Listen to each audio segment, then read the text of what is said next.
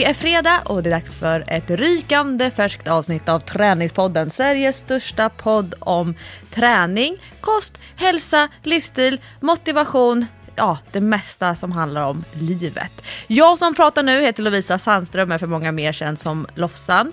Min poddpartner det är tv-programledaren Jessica Almenäs. Och jag kan då säga att när vi poddar nu, då har jag eh, ett linne, jag har en tjock stickad tröja och jag har också en dubbelvikt stickad halsduk runt halsen trots att jag är i mitt sovrum. Herregud vad kallt det är ute idag.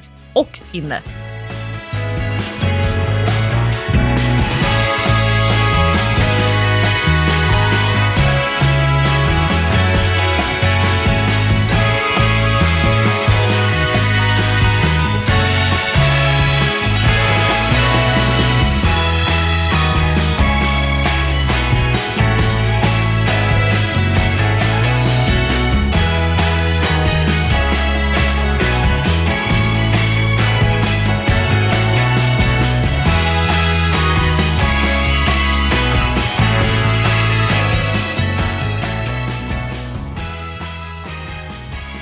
Idag är det riktigt kallt. Det är ju 15 grader, minus 15 grader i Stockholm. Det är inte det så ofta, skulle jag säga.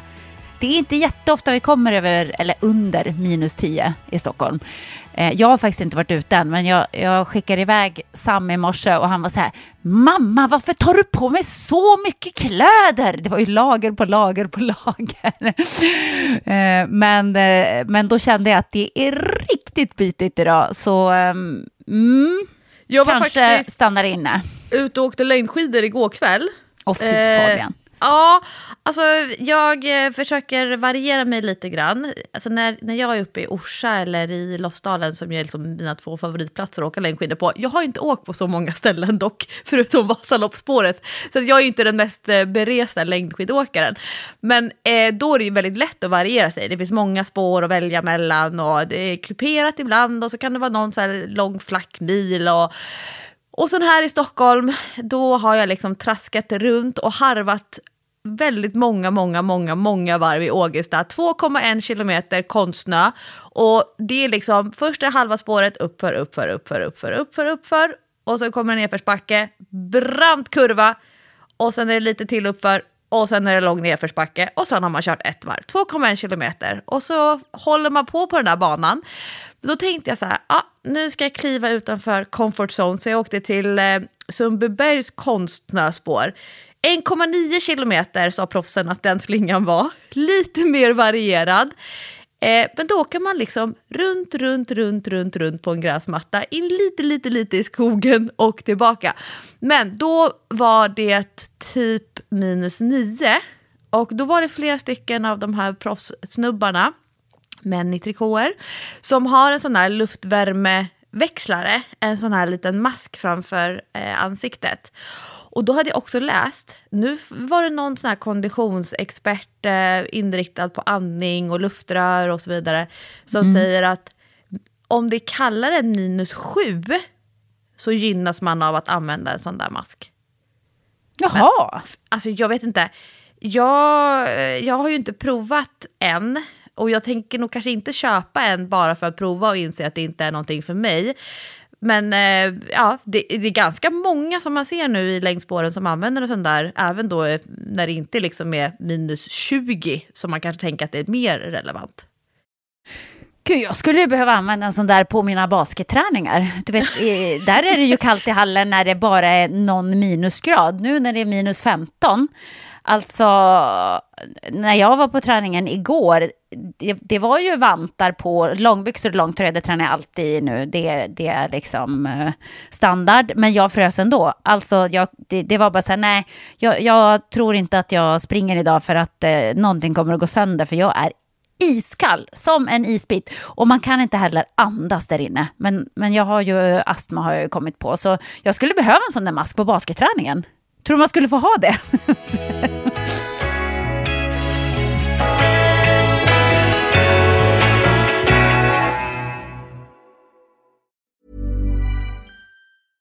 Hey, I'm Ryan Reynolds. At Mint Mobile, we like to do the opposite of what Big Wireless does. They charge you a lot, we charge you a little. So naturally, when they announced they'd be raising their prices due to inflation, we decided to deflate our prices due to not hating you.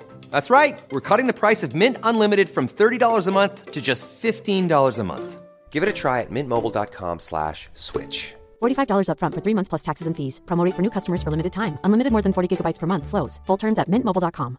Hey, I'm Ryan Reynolds. At Mint Mobile, we like to do the opposite of what Big Wireless does. They charge you a lot, we charge you a little. So naturally, when they announced they'd be raising their prices due to inflation, we decided to deflate our prices due to not hating you.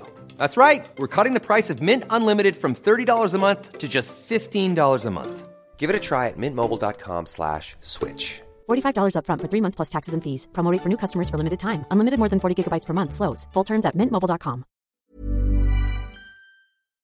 Vi är denna vecka sponsrade av den digitala löparklubben Let's Run och den har vi tipsat om tidigare. Ja, det stämmer.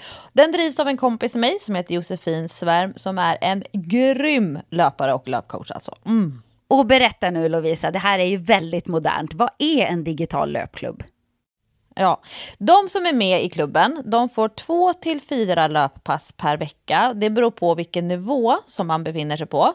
Och dessutom ett styrkepass per vecka. Och man har även möjlighet att välja mellan två stycken livepass varje vecka. Och de här livepassen de sker via Zoom där de som springer de lyssnar till Josefins pepp och guidning genom hela passet. Alltså det här är så modernt. Ja, och det är så himla smart idé. Jag tänker också att eh, tycker man att det är lite trögt att komma igång med löpningen så är ju det här perfekt. Eller om man har svårt att liksom hålla ett program som man bestämmer själv. Och du och jag, vi älskar ju löpning. Det finns ju få saker som får en att må så himla bra som löpning. Och en smart grej med Let's Run det är att det är olika typer av intervallpass varje gång. Och det ger ju en väldigt fin utveckling. Det har vi pratat om ofta. Ja, intervaller är grymt. Och samtidigt så har man ju kul när man tränar, trots att man får kämpa på. Det, det, är ju obekvämt. Men bara den här känslan av att det kan vara över hundra personer som springer live samtidigt, det är ju en mäktig känsla. Mm, lite som att springa lopp nästan. En bra grej med Let's Run är också att de har meetups i samband med olika lopp under året, till exempel Tjejmilen och under din favorit Helsingborg Marathon och halvmaraton. Ja, och sommarens omgång av Let's Run den drar igång den 20 juni med coachning ända fram till den 1 september. Och den tycker vi att ni ska hänga med på. En perfekt period att springa mycket på. Ni kommer att få inspiration, motivation och en färdig plan att följa. Och jag tror att det ger er jättefina möjligheter att utvecklas som löpare och en fin löpargemenskap. En smart grej är att det också finns olika nivåer att välja på under livepassen så att det ska passa både er som är nybörjare och de som är mer löpvana. Och vill ni veta mer om detta då går ni in på letsrun.se eller letsrun.se på Instagram. Vi säger stort tack till Let's Run. Tack. Vi är denna vecka återigen sponsrade av våra gamla vänner på Air Up. Ja, det är vi och det gillar vi för vi vill ju att våra lyssnare ska komma ihåg och få i sig tillräckligt med vatten. Inte minst i samband med träning. Nu när det är varmare ute och man kanske är mer aktiv och mindre stillasittande än vad man är under vintern så är det ju extra viktigt. Ja, så är det. Och AirUp det är ett innovativt företag som har tagit fram den helt revolutionerande vattenflaskan som smaksätter håll i er, vanligt kranvatten med hjälp av doft och inte med några tillsatser. Det kanske låter som magi, men det är högst vetenskapligt och det kallas för retronasal doft, eller med enklare ord, att uppleva smak med näsan. Mm. Inga tillsatser, inga sötningsmedel, inget socker. Det är bara helt vanligt vatten som får sin smak med hjälp av doft. Ja. Det funkar så att man fyller sin flaska från Air Up med helt vanlig kranvatten. Man sätter på en av deras så kallade smakpoddar som man aktiverar. Och när man sedan dricker ur sugröret så transporteras vatten och luft. Och luften snappar upp doften i den här podden och din hjärna tolkar detta som smak. Riktigt smart. Du kan med andra ord uppleva smaker som kola, persika eller lime fast du egentligen bara dricker vanligt vatten. Ja, och AirUp har nu utmanat oss att dricka minst två liter vatten om dagen nu när vi går in i den varma delen av året eftersom de och vi vet att det är bra för oss att ha koll på sin vätskabalans. Att stay hydrated som AirUp talar mycket om. Och jag, Jessica, jag har kört min eh, AirUp-flaska vid datorn och jag har med mig den när jag jobbar i gymmet. Och då har jag en lista på tre grejer som eh, effekter. Jag känner mig piggare och fräschare och har aldrig huvudvärk. Jag får bättre aptit och bättre hy. Mm. Ja, men det där är ju saker som händer när man dricker tillräckligt mycket vatten. Det finns en nackdel dock, som jag upplever, och det är att man måste gå lite oftare på toaletten. det blir ett jäkla spring, och det är ju ett bevis på att man faktiskt dricker ordentligt med vatten. Prova AirUp ni också och anta utmaningen att dricka två liter vatten per dag eller så mycket som du behöver. Och med rabattkoden Träningspodden så får ni 10% rabatt på ert köp hos AirUp. Den här koden gäller hela juni och då ska ni gå in på www.airup.se och då är det ett bindestreck mellan, bindestreck mellan air och up så ni kommer ihåg det. Nej, nu måste jag gå på toa. Så vi säger lite snabbt, stort tack till AirUp. Tack. Jag trodde att du menade att du skulle ha en sån här syrgastub på ryggen kopplad till masken. Ja, men typ en syr... Jag skulle nästan behöva det tror jag. Faktiskt. Jag har ju svårt att andas när det är så här kyligt. Jag, jag är imponerad av er som verkligen är ute och motionerar i de här graderna. Är du allergisk mot mig eller vad är det frågan om? Jag vet Du inte om det var nyser. den stickade, stickade halsduken. Nej men eh, det här kanske är eh, från igår kväll. Ja, det, det kan det vara faktiskt. Det som kan det faktiskt mycket Det är väl som vara. att ehm, luftrör, alltså det är som flimmerhåren i, eh, egentligen i hela liksom andningsapparaturen, de aktiverar sig. Alltså, Ja. men, men alltså jag, jag försöker att inte göra en sån stor grej av kyla, av regn, av vind, typ lite grann it is what it is. Och det hänger ihop med kanske min e-, hela liksom livsfilosofi, att inte haka upp mig på små saker. Ehm, men samtidigt så vill jag vara en analyserande och reflekterande människa. Så, eh, men jag hade varit på med längdåkningen. I morse så satt jag kollade på bansträckningen för det som då är, som förut hette Kortvasan. Jag säger fortfarande Kortvasan och då så är det någon som berättar för mig, men du, sa, du vet varför det heter Kortvasan från början va? Nej, det vet jag inte. Jag tänkte så här, ja, korta Vasaloppet, 30 kilometer istället för 90. Nej, nej, nej, det var ett samarbete med ICA, kort. Kortvasan. Aha. Och sen heter det inte Kortvasan längre, utan nu heter det Vasaloppet 30. Men då läser alla från vänster till höger Vasaloppet och så missar de det där 30, så, så tror de att jag ska åka 90. Vasaloppet 30 och Tjejvasan, det är båda 30 kilometer. För nu håller jag på med så här, lite av en optimeringsstrategi här. Vilka skidor ska jag välja? Vilken valla ska jag ha? Klarar jag att staka i tre mil? Klarar jag att staka alla uppförsbackar och därmed köra utan fäste? Alltså köra med skateskidor? Oh, ah, nej men jag harvar på. Jag harvar på. Jag ska köra och jag ska köra hårt det här, eh, de här två Vasaloppsloppen. Vad kul, då har du ju lite grann av ett mål ändå. Ja, jag, jag tror det, det, det, det känns faktiskt som ett mål. Ehm, och förra året när jag körde Vasaloppet 30, Kortvasan eller Kortvasan, man får välja. Då, ehm, då hade jag eh, bestämt att jag skulle hålla koll på Sixten. Det var första gången han skulle köra ett, ett skidlopp och det var första gången han skulle åka sådär långt. Och han drog ju ifrån mig som tusan. Alltså jag, jag såg ryggtavlan och sen så var han borta. Och eh, sen kom jag ikapp honom, eh, för jag tänkte så här, jag får åka på. Eh, kom ikapp honom och sen hade han en dipp och det är ju inte så konstigt när man är en, liksom en liten tonåring, 13 år. Um, så då åkte vi tillsammans och sen så sista, sista, sista uppförsbacken så ramlar jag. Och han drar på och bara, nu tar jag chansen och spurtar ifrån morsan. Och det var helt okej. Men den här gången, nu är det var och en för sig. Nu får han klara sig själv. Så han kan få dra ifrån mig första milen och sen kommer jag ikapp och då kör jag om. Och så får vi se om han eh, orkar staka ikapp mig på slutet. Så, men det blir lite mera tävling. Inte så att jag tävlar mot mitt barn såklart. Men, men eh, jag har mer blodad tand den här gången. Så det ska bli kul. Roligt. Ja, det, det, det ska jag följa med stort nöje. Eh, själv har jag inte hunnit träna så mycket för att jag har jobbat som en dåre. Eh, och har någon skit i kroppen. Igen. Jag, vet, jag tror att det kanske är coronan som inte riktigt släpper. För det är som att det är... Eh, så fort jag försöker träna så är det som att det är noll syre tillförsel till musklerna. Alltså det är som att det, det, jag blir trött på en sekund. Och då tänker jag, då vill inte kroppen riktigt träna ännu. Då ska jag nog hellre ta det lite lugnt. För det är inte det där, åh jag känner mig lite seg efter jag varit sjuk eller det är lite jobbigt nu. Utan det är verkligen, eh, kroppen är död. Den svarar noll. Och jag känner mig inte särskilt sjuk och det är därför som det känns lite konstigt. Men ja, jag tänker att eh, den, den har väl fullt upp med att ta hand om någonting då förmodligen. Så att eh, det, får, eh, det får vänta lite grann med att, att köra hård träning helt enkelt. Eh, så, så det är mest eh, stress som vanligt.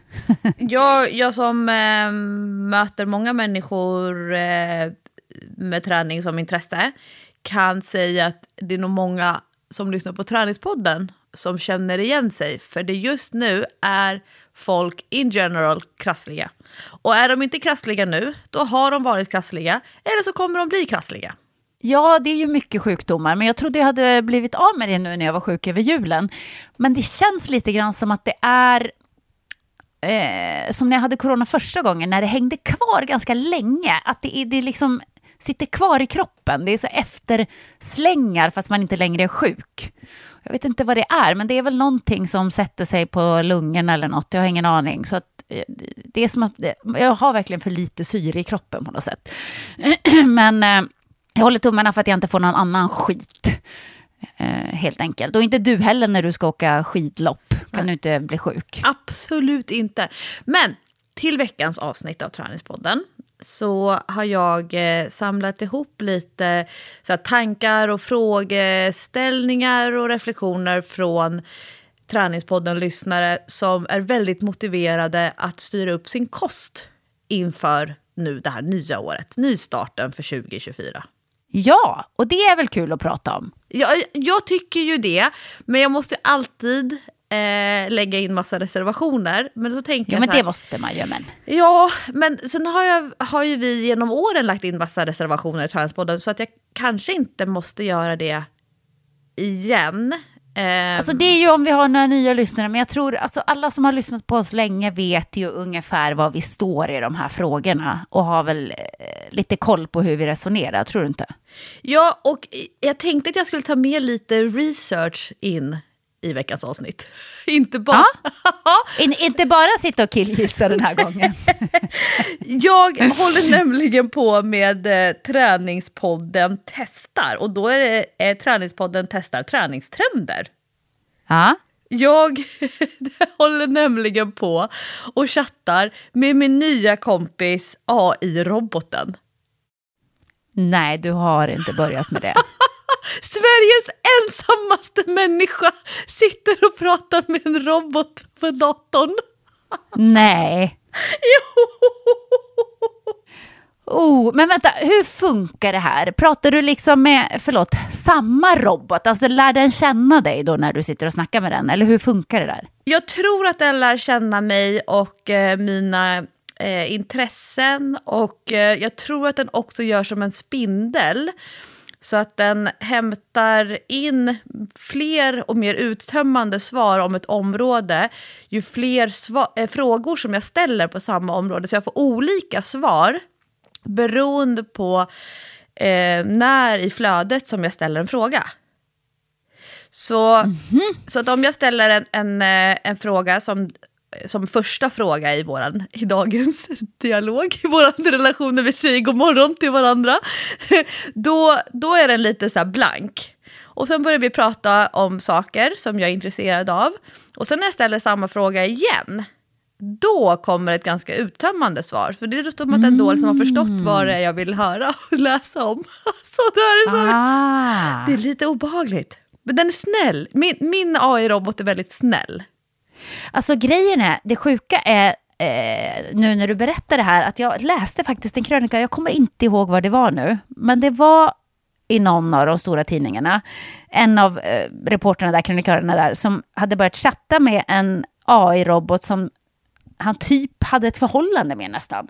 Att det typ var hans AI-flickvän. Att de, så här, det första de gjorde på morgonen var att säga god morgon älskling och på kvällen så här godnattpuss och ba, ba, ba och pratade om allt och att han nästan var lite förvirrad för det kändes verkligen som att det var en riktig människa. Och oh. att det här var liksom en, en person, hans, hans tjej. De pratade som att det var hans tjej. Och han, han beskrev det som att jag har aldrig haft djupare samtal och bla bla bla med någon. Och eh, enda problemet är att hon finns inte. Åh, oh, oh, vad deppigt. Ja men det är deppigt, men jag tänker ju att vi är ju snart där. Vi, vi är ju snart där, för det finns ju också det där är ju liksom i textform.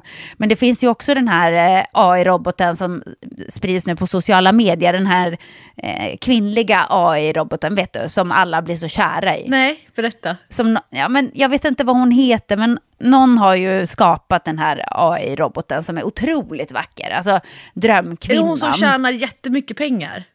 Ja, men det kan det vara. Det kan det vara. Som alla blir bara så kära i och bara wow och ser upp till och tjejer blir inspirerade och bla bla bla. Men hon är ju inte på riktigt då. Utan det är ju bara en, en robot liksom. Och jag kommer ihåg nu när jag tänker på det här. Kommer du ihåg att Isabella Lövengrip var jävligt snabb på den här grejen? Just det, hon hade ju en klon. Hon hade ju sin klon, men då var ju inte det här så himla utvecklat och det kostade ju ganska mycket att göra de där bilderna på den tiden. Nu kan ju vem som helst bara ladda ner en app och så kan man ju sätta in sig själv i alla möjliga situationer och, och skapa någon slags AI-figur eh, utan problem. Alltså det tar två sekunder. Men eh, då på den tiden, hon var ju faktiskt före sin tid när hon skapade sin klon Gabrielle, tror jag att den hette. Det är ju ganska fascinerande och byggde liksom upp en story kring henne, vad hennes liv var och vad hon gjorde. Hon var i New York nu och hon jobbade med det och hon gick på de här festerna och, och liksom eh, ikväll ska jag gå på den här festen, vad tycker ni jag ska ha på mig? Du vet sådana där grejer. Det här är ju verkligen framtiden så att eh, du kanske ska knyta lite starkare band med din AI-robot som du har börjat chatta med nu då. Så. Ja, men... Ni kan ju börja träna ihop och sådär. Kanske ska fråga, vad ska vi träna idag? ja men vet du, jag, jag frågade min, eh, min robotkompis här, apropå nu eh, eh, att ha en relation med att man blir kär i sin robot. Då mm. frågar, frågar jag, jag tror att det är en hon. Eller? Jaha, du, du kan men... ju fråga. Den vet ju säkert om den är en han eller hon eller hen. Men jag fråg, frågade min robot varför blir man förälskad i Jessica Almenäs? Mm. Och då, ja, att bli förälskad i någon är en personlig och individuell upplevelse som kan bero på många olika faktorer. Vad som attraherar och förtrollar en person är mycket subjektivt och kan variera från person till person. När det gäller Jessica Almenäs kan olika personer bli attraherade av olika egenskaper hos henne. Vissa kan bli lockade av hennes fysiska utseende medan andra kanske dras till hennes eh, karisma, charm eller utstrålning. Hon är också känd för sin engagerade inställning till träning och hälsa, vilket kan attrahera personer som delar hennes intressen och värderingar. Eh, det är viktigt att komma ihåg att förälskelse är en känslomässig reaktion och inte alltid rationell eller baserad på verklig kännedom om en person. Medieexponering kan också spela en roll i hur vi eh, uppfattar och förälskar oss i offentliga personer som Jessica, då de får eh, en viss image genom sin framtoning i tv, sociala medier och andra platser. Slutligen, det, är alltid så här, det kommer alltid en liten så här, slutkläm, är förälskelse en känsla som kan vara kortvarig och baserad på yttre faktorer. För att bygga upp en verklig och långvarig relation med Jessica är det viktigt att lära känna henne på djupare nivå och att, ha, att ni har gemensamma värderingar, intressen och en sund kommunikation.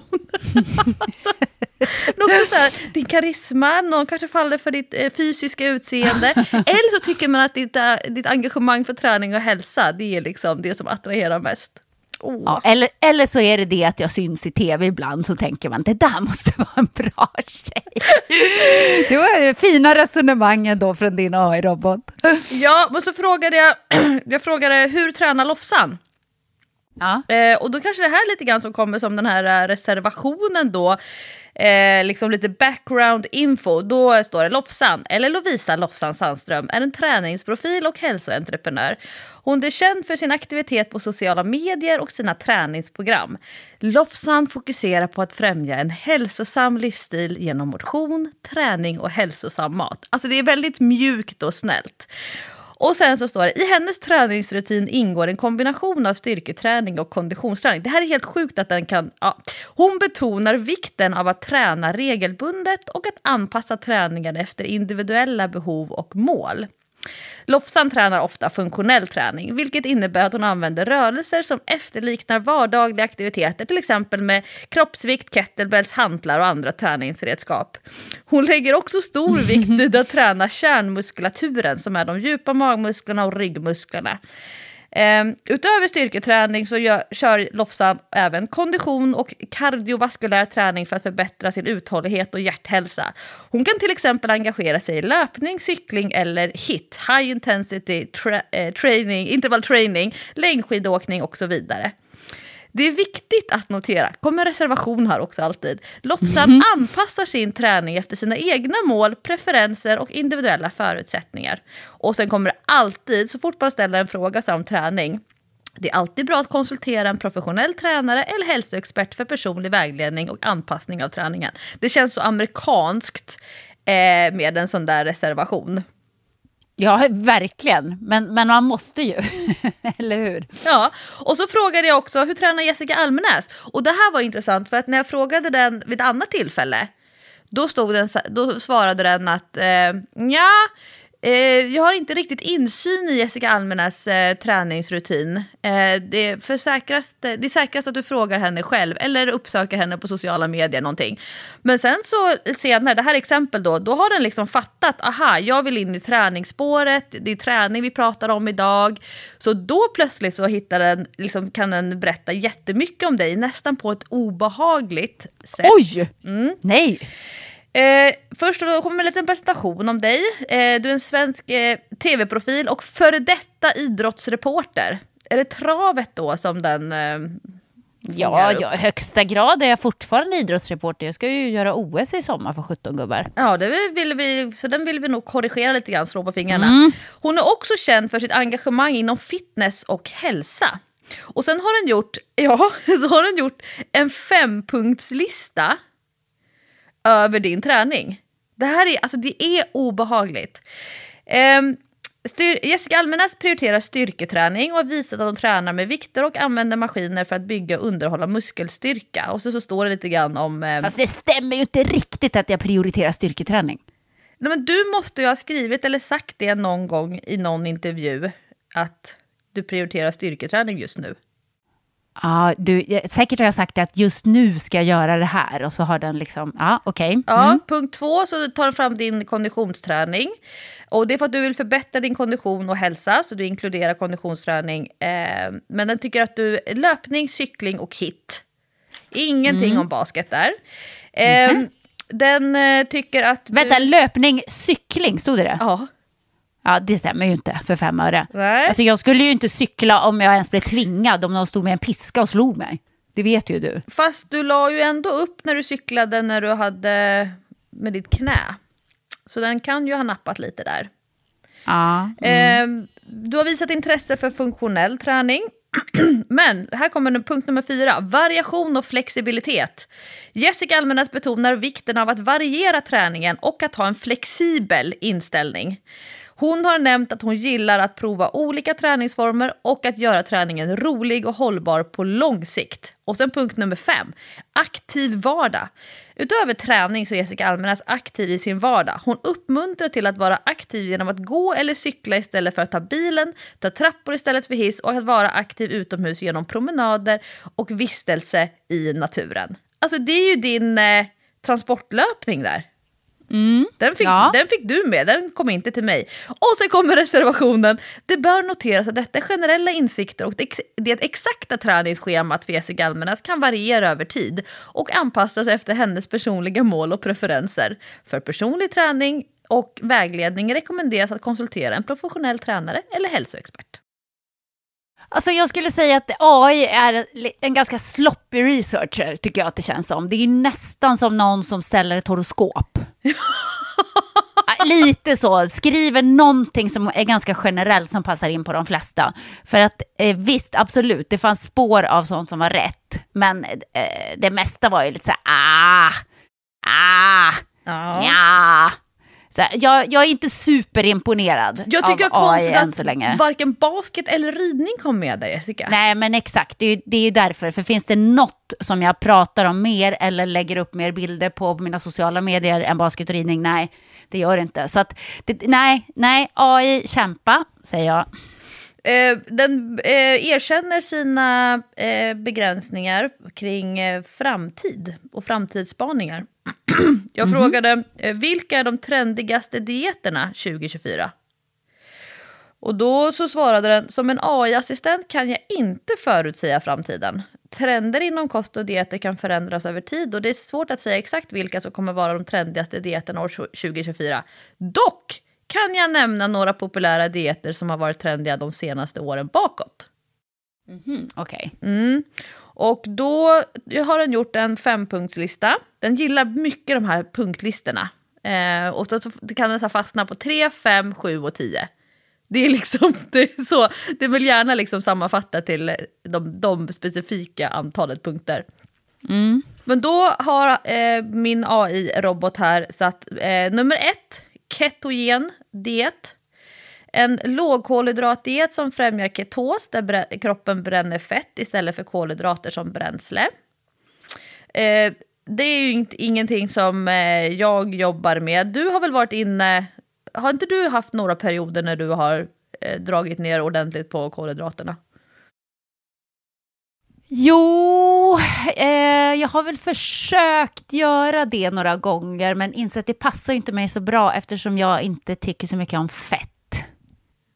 Ah, alltså så här, riktigt fet mat tycker inte jag är så god. Eh, och då blir det ju svårt för mig att ha en sån där diet. Eh, det funkar till exempel inte med, mm, vad heter den här som var så populär? Eh, är det Atkins där man ska äta feta såser och kött och... Ja, just det.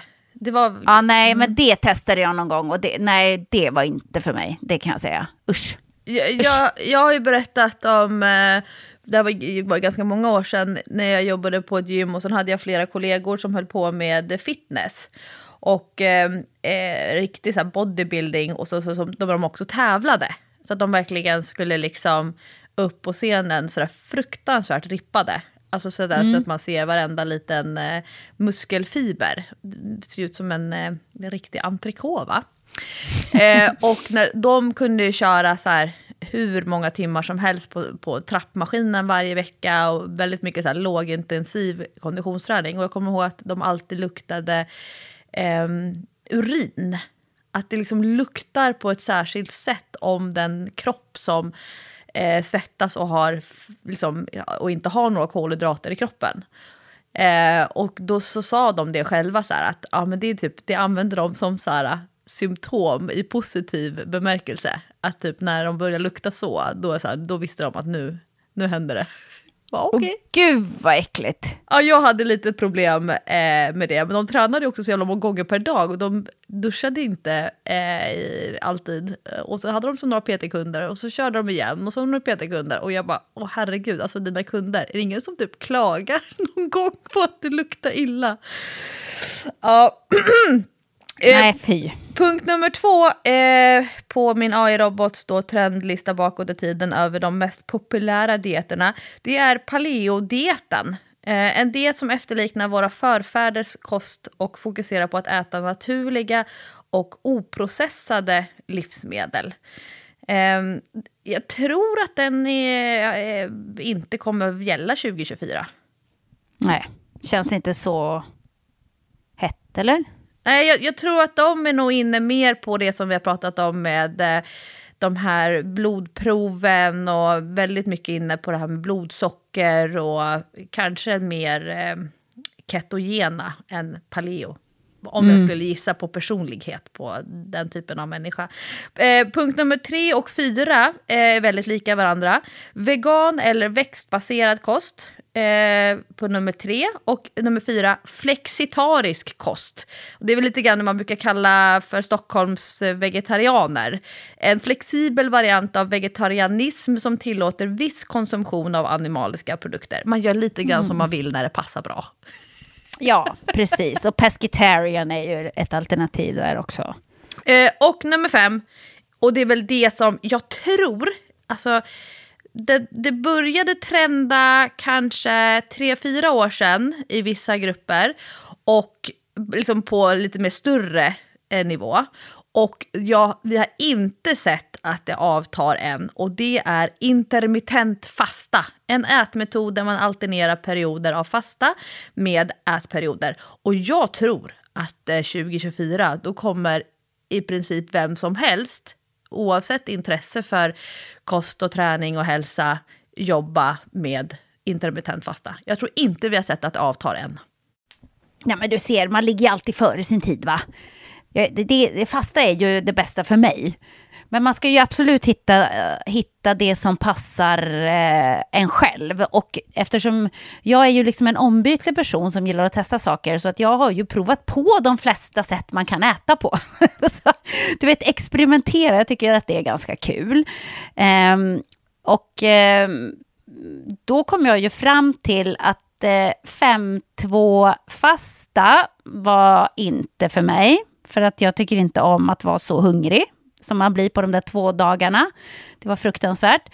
Men däremot så tycker jag ju väldigt mycket om den här eh, 16-8-fastan som jag brukar pyssla med. Det är den som jag tror eh, slår igenom nu på befolkningsnivå. Ja, Alltså den är kanon. Och, det, och då betyder ju det, eh, de flesta vet säkert vad det är, men det betyder ju att man har, eh, alltså ens ätfönster, den tiden på, på ett dygn där man äter, den är åtta timmar. 16 timmar eh, så vilar magen och tarmarna helt enkelt och då äter man inte, men man, alltså man dricker ju vatten etc. och sådär. Så, så det är ju inte, eh, det är ju inte så att man liksom eh, svälter eller fasta som när man ska göra en operation, att man inte får inta något, eh, mm, Eh, vad säger man, eh, några, några drycker eller vätska och sådär. Eh, men eh, jag brukar ju lägga det då så att jag äter mellan 12 eh, på dagen och 8 på kvällen. Det vill säga att jag börjar äta vid lunch och så när jag har ätit middag så går jag inte och småäter på kvällen. Och det passar mig utmärkt för att jag är inte hungrig på morgonen. När jag ska äta frukost då får jag liksom tvinga i mig mat. För att jag har liksom inget sug efter mat på morgonen. Jag vill bara ha mitt kaffe, eh, jag vill dricka lite vatten och sen är jag klar. Liksom. Så att för mig har det passat väldigt bra. Men nu när jag har börjat med min medicin så kan jag tyvärr inte köra på med 16-8 längre. För att nu eh, måste jag äta frukost eftersom jag inte blir så hungrig av medicinen runt lunch. Och då, ibland när jag glömmer bort lunchen så är det viktigt att jag i alla fall får i mig frukost. Så att just nu kör jag inte 16-8, men för mig passar den bra. Ska, äh, passar den för dig tror du? Alltså, en del människor säger så här att ah, men och så hoppar jag över min frukost. Alltså att, att det är för dem 16-8. Att de hoppar över frukosten och sen så äter de eh, lunchen som sin första måltid. Men jag mm. ser ju inte det som att man hoppar över frukosten, utan det är att man äter sin frukost till lunch. Eh, på samma sätt som att en tonåring som har sovmorgon väldigt länge och mm. eh, äter liksom, frukost när alla andra äter lunch klockan 11. Det är ju deras frukost. Liksom. Att för mig är det så här, typ liksom första måltiden på dagen. Um, mm. Och jag tycker ju att den första måltiden på dagen är helt fantastisk.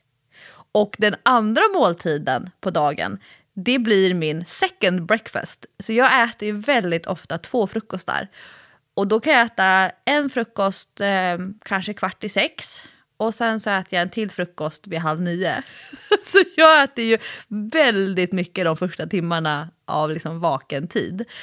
Och eh, när den här familjen tar sovmorgon, eh, vilket betyder att de kanske sover till nio, eh, och sen så ligger de och drar sig, och så närmar sig klockan kvart i tio, då har jag varit vaken kanske då från sex eller halv sju. Då är jag så skakig Och jag bara går och väntar på att det ska liksom börja röra sig så att jag hör att det knäpper i väggarna och att de liksom börjar lämna sina sängar, åtminstone så öppna ögonen. För att då ska jag få äta frukost. För att, och det kan mycket väl vara så att jag äter en egen frukost. Alltså jag tycker det är, så, det är helt fantastiskt med de här tidiga morgontimmarna, sitta och äta, tända ljus. Alltså även på vardagar i mörkret så tänder jag ljus och så äter jag min gröt eller jag äter kvarg. Sen är jag inte så sugen på lunch klockan 12. Jag kan äta liksom Eh, alltså jag kan äta min halva förpackning ostkaka med tinade hallon. tycker jag är liksom jättelagom god lunch. Eh, jag äter mellis. Eh, sen märker jag nu att det var mycket lättare med middagsrutiner och middagstider när barnen var små. Eh, vi delade upp så att de kunde äta en middag, sin middag vid 17. Och sen gick ju de och la sig typ halv sju, kvart i sju på kvällen. Men nu vi, alltså, vi har ju på riktigt aktiviteter som är så här 20.00 till 21.15 ute i förorten. Så att våra middagar blir ju liksom helt annorlunda. Men jag själv mår bäst när jag äter min middag alltså senast halv åtta. Äter jag vid åtta, då tycker jag att det, det är liksom inte så som jag mår bra av.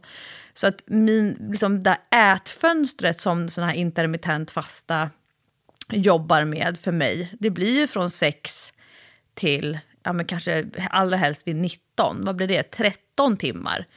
Mm. Och eh, intermittent fasta 8 timmar. Nå, så att nej, jag äter gärna väldigt tidigt men äter helst inte så sent på kvällarna. Hur, hur gör ni med middagar hemma? Har ni också så att folk kommer och går och någon äter rester jättetidigt och någon annan äter rester jättesent? Gud, jag blir så avundsjuk på folk som sitter och äter eh, familjemiddagar hela tiden. Ja, men det är så viktigt för oss alla i familjen äter samtidigt. Vi sitter och pratar och vi tänder ljus och det är mysigt och man har dukat fint och bla bla bla. Det, det verkar superhärligt. Så är det inte tyvärr hemma hos oss. För att alla äter i omgångar. Och det är ju för att vi har konstiga jobb, alla har aktiviteter, eh, men vi har också ett litet barn som måste äta eh, i rimlig tid. Han kan inte äta för sent liksom. Så att vi äter verkligen i omgångar. Och just nu äter vi också olika saker, för att Sam är ju superkrånglig. Han, han är verkligen kräsen. Han äter bara vissa saker fortfarande. Jag trodde det skulle gå över, men det, det gör det inte. Och han vägrar. Och han är ett lejon. Han är bestämd alltså. Det, det går inte att tvinga i honom något som han inte har lust att äta. Så man, vi får bara anpassa oss lite, för han måste ju äta liksom. Så han äter först middag. Sen brukar, och det är Patrik som lagar mat. Och Patrik kommer ju inte hem från jobbet förrän halv sju på kvällen. Så att vi äter ju sällan middag före klockan sju. Det gör vi nästan aldrig. Eh, förutom Sam då. Han kanske äter lite grann innan Patrik kommer hem. För då kan jag ibland bara värma på lite grejer till honom. Så. Och sen eh, är barnen oftast inte hemma när vi äter, så då äter de sen när de kommer hem, en och en.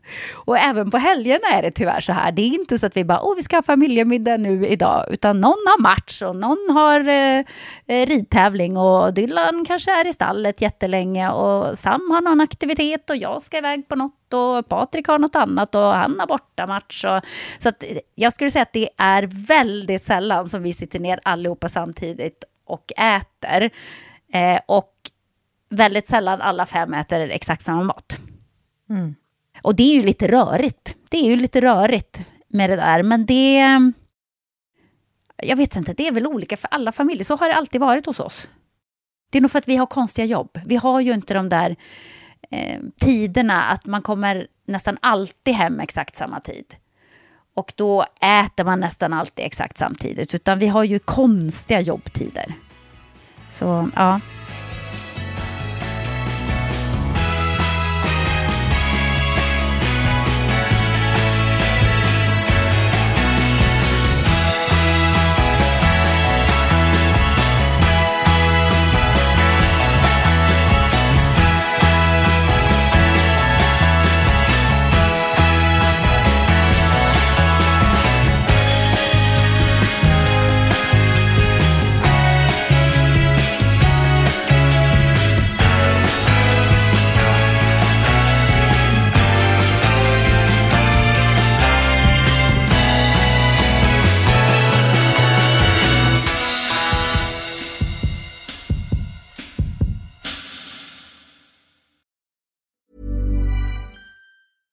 Hey, I'm Ryan Reynolds. At Mint Mobile, we like to do the opposite of what Big Wireless does. They charge you a lot, we charge you a little. So naturally, when they announced they'd be raising their prices due to inflation, we decided to deflate our prices due to not hating you. That's right. We're cutting the price of Mint Unlimited from $30 a month to just $15 a month.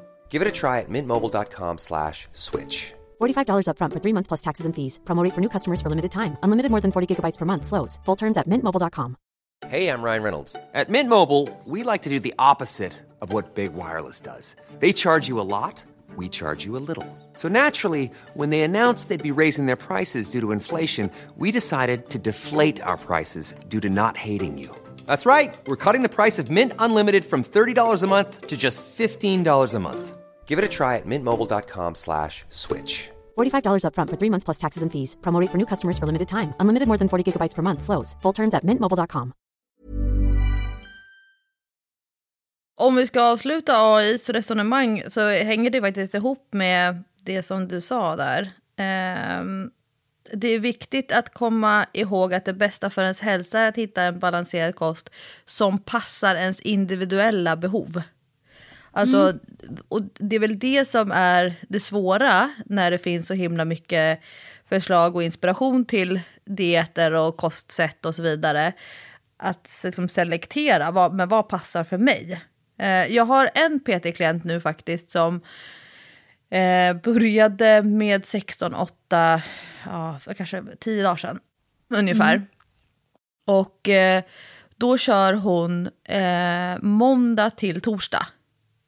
För eh, middagen på torsdagskvällen, den är liksom amazing för henne numera.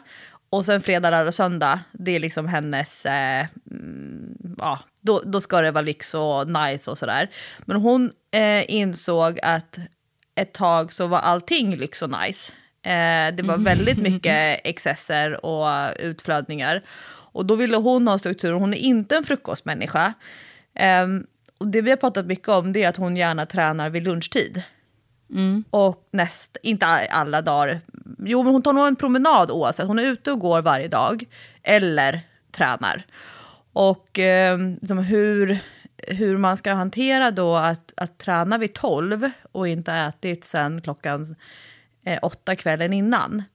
Och då har hon löst det så att hon tar ett kokt ägg och en Dextrosol-tablett. Alltså en sån här klassisk eh, eh, sockertablett. Och så tränar hon 45 minuter, 50 minuter och sen går hon och äter en, sin frukost som då är en lunch. Och eh, hon kom till mig och så här, ja men typ efter en vecka och bara Lovisa, jag har gått ner ett och ett halvt kilo. Alltså på en vecka. Eh, och då blev hon lite så, hon gick igång på det här och så liksom började hon räkna så här, men om jag kör det här fyra veckor, alltså så tänkte hon, ja, men då har jag gått ner sex kilo. Och, så då pratade vi lite grann om, om förklaringsfaktorerna då till varför man går ner ett och ett halvt kilo på en vecka när man eh, äter på det där sättet. Och det vanskliga i att om man går ner i vikt sådär snabbt, dessutom är hon inte överviktig, men att vad är det som händer då? Hur länge orkar man? Eh, då har hon antagligen ätit, liksom legat i, i rejäl underkant i energiintag. Kommer hon orka träna flera gånger i veckan? Kommer hon orka och vilja vara sugen på att ta sina promenader? Eh, och det som, när man blir lite äldre också, då kan, eller det, det här, för ingen kan man ju bestämma vart vikt ska tas ifrån. Men för äldre kvinnor så tenderar det att gå ovanifrån och ner. Vilket betyder att det börjar vid typ kring ögonen och kinderna och ingen vill bli rynkig. Och sen så halsen eh, blir lite mjukare, det blir, liksom, blir lite eh, sämre konsistens på halsen. Och eh, brösten kanske blir mindre och så vidare. Men det folk vill, det är att det ska minska på magen. Eller minska på låren eller rumpan. Men det är liksom... Det är klart att det kan minska där också, men det syns inte lika tydligt som det gör, på, gör i ansiktet. Um, men nu vet jag att hon tyckte att det var mycket roligare och hon längtade till helgerna och hon fick... Hon upplevde det som en mental... Eh, alltså som att hon neutraliserade och höjde, det var som inflation. Så, det, så skulle jag nog beskriva det. Inflation i att allt, ingenting, allting var ganska lyxigt och mycket i mat och dryck och liksom det här äh, flödet. Eh, så att det var inte någonting värt. Men nu så upplever hon att hon njuter mycket mer av varje måltid. Så för henne blev det en ganska stor mental effekt i att så här, åh vad fint att jag ska få möjlighet att sitta och äta min måltid nu istället för att gå och småäta nästan hela dygnet, i alla fall vaken tid. Är du med på vad jag menar? Känner du igen det? Ja, alltså det är ju att man har ramar. Eh, och eh, för, för jag skulle bara vilja poängtera att min 16-8 ser inte jag på främst som en diet, eh, utan mer som eh, det här eh, är en livsstil mer. Alltså, så här mår min kropp bra av att äta. För att jag har ju haft mycket problem med magen, som ni vet, som har lyssnat på, på träningspodden genom åren, med IBS och uppsvälld mage och jag har, haft, jag har haft väldigt mycket problem med min mage helt enkelt.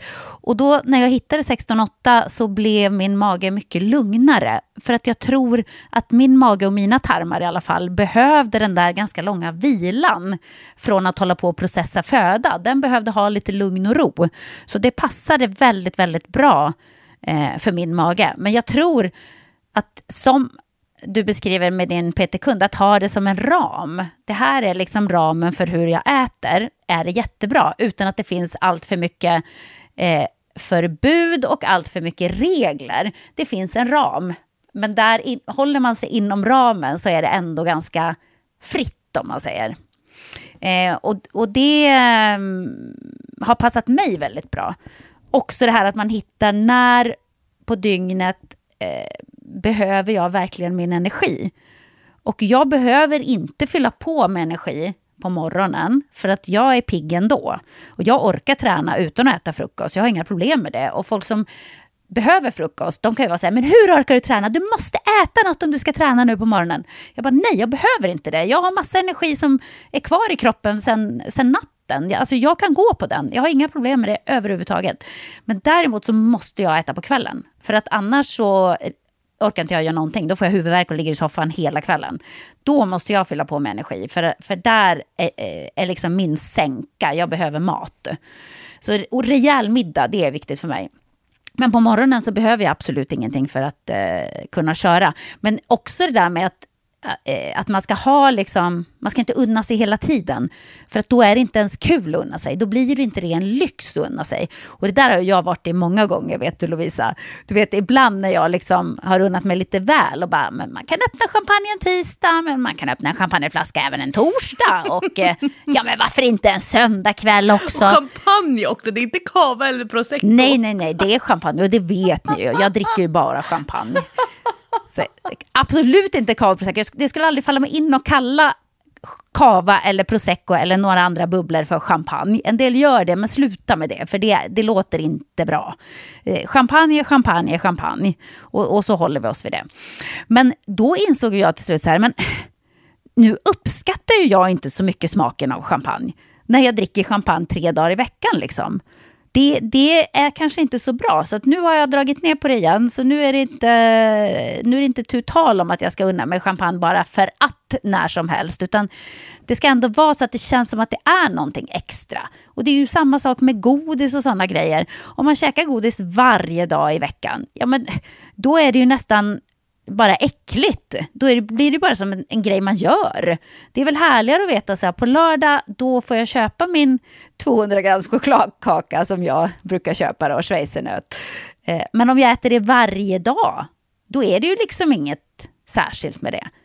Eller hur? Ja, och du har ju champagne som exempel, men eh, jag som tittar på väldigt många människors kostdagböcker kan ju se att det finns liksom andra typer av livsmedel eller sånt man stoppar i munnen som är, har exakt samma betydelse som din champagne.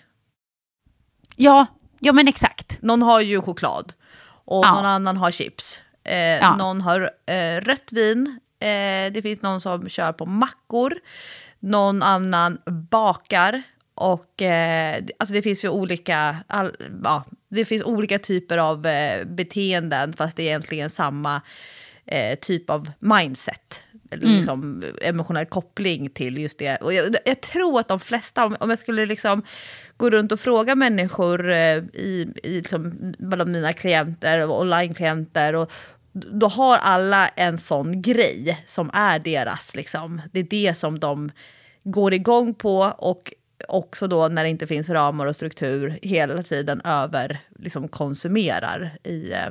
Men jag, tänk, jag tänker på det där med, med ramar och eh, struktur. Att vissa människor älskar ju regler. Eh, de älskar det här tydliga. Och även om, alltså de flesta har ju sagt, satt upp det här för sig själva. Ehm, och då vart jag nyfiken på, för det här brukar jag prata om när jag föreläser mycket så för företag och organisationer där det inte liksom är Eh, primärt en tränande målgrupp och när jag ska prata om, om kost ur ett hälsoperspektiv.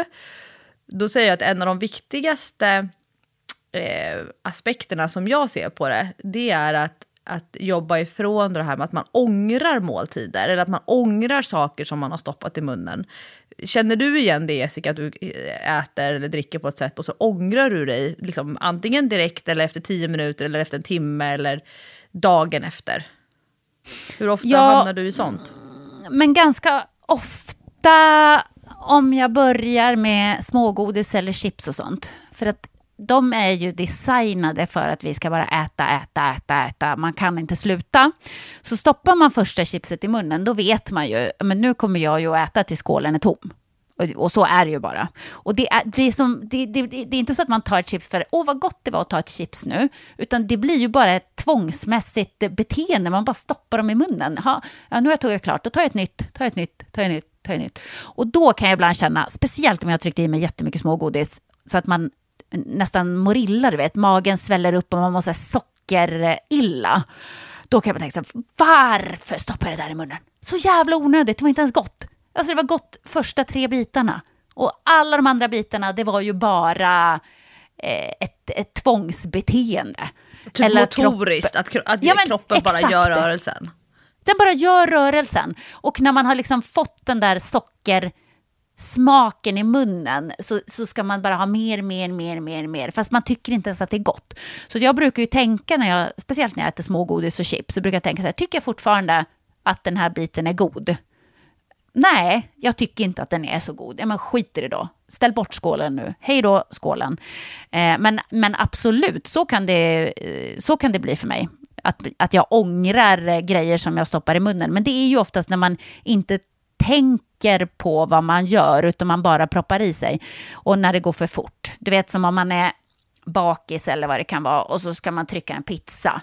Och så trycker man i sig hela pizzan och så känner man efteråt så här, okej, Okej, jag kanske var mätt efter halva, men mm, det är ju inte heller nice. Då ligger man ju på soffan och undrar vad fan åt jag den där, för nu mår jag ju piss alltså. Ligger här och har matkoma. Eh, så absolut, det kan jag hamna i. För, för jag tänker att just det där med att ångra saker som man har stoppat i munnen, eh, om man ser att man har det beteendet, att, att försöka se att det beteendet är kopplat till saker man äter som kroppen egentligen inte behöver. Ja, precis. Jämfört med att eh, ångra en grötfrukost eller ångra sin matlåda, alltså till lunchen. Det, det, det, det, det är ju en, eh, en eh, balansgång där. Att, att när man äter, alltså att, det är klart att det handlar ju mycket om att medvetandegöra varför man äter. Och äter man väldigt mycket kopplat på att hantera och reglera olika känslor istället för att tänka näring, eh, energibehov, jag behöver mina vitaminer och mineraler. Det är ofta då när man liksom kopplar på mycket känslor till sitt ätande som det kan gå överstyr och att man hamnar i de här höga topparna och djupa dalarna i eh, em, känslorna kring ätbeteendet. Ja, nej men eh, exakt så. Eh, och jag kan ju också känna igen det, för det var ju ett beteende som jag vet att väldigt många som har ADHD har. Eh, det är ju det här att man hela tiden är lite rastlös och uttråkad. Och då går man bara och äter och äter för att ha något att göra. Man har något i munnen hela tiden för att man ska ha något att göra av käkarna. Liksom. För att liksom tygla den här rastlösheten som man har inuti. Eh, och det försöker jag att vara väldigt uppmärksam på när jag gör. Alltså, går jag till kylskåpet nu bara för att jag är uttråkad eller för att jag måste göra någonting tråkigt och istället för att göra det och att det kryper i kroppen på mig för att jag ska göra det här tråkiga så går jag till kylskåpet och tar något att tugga på bara för att göra det.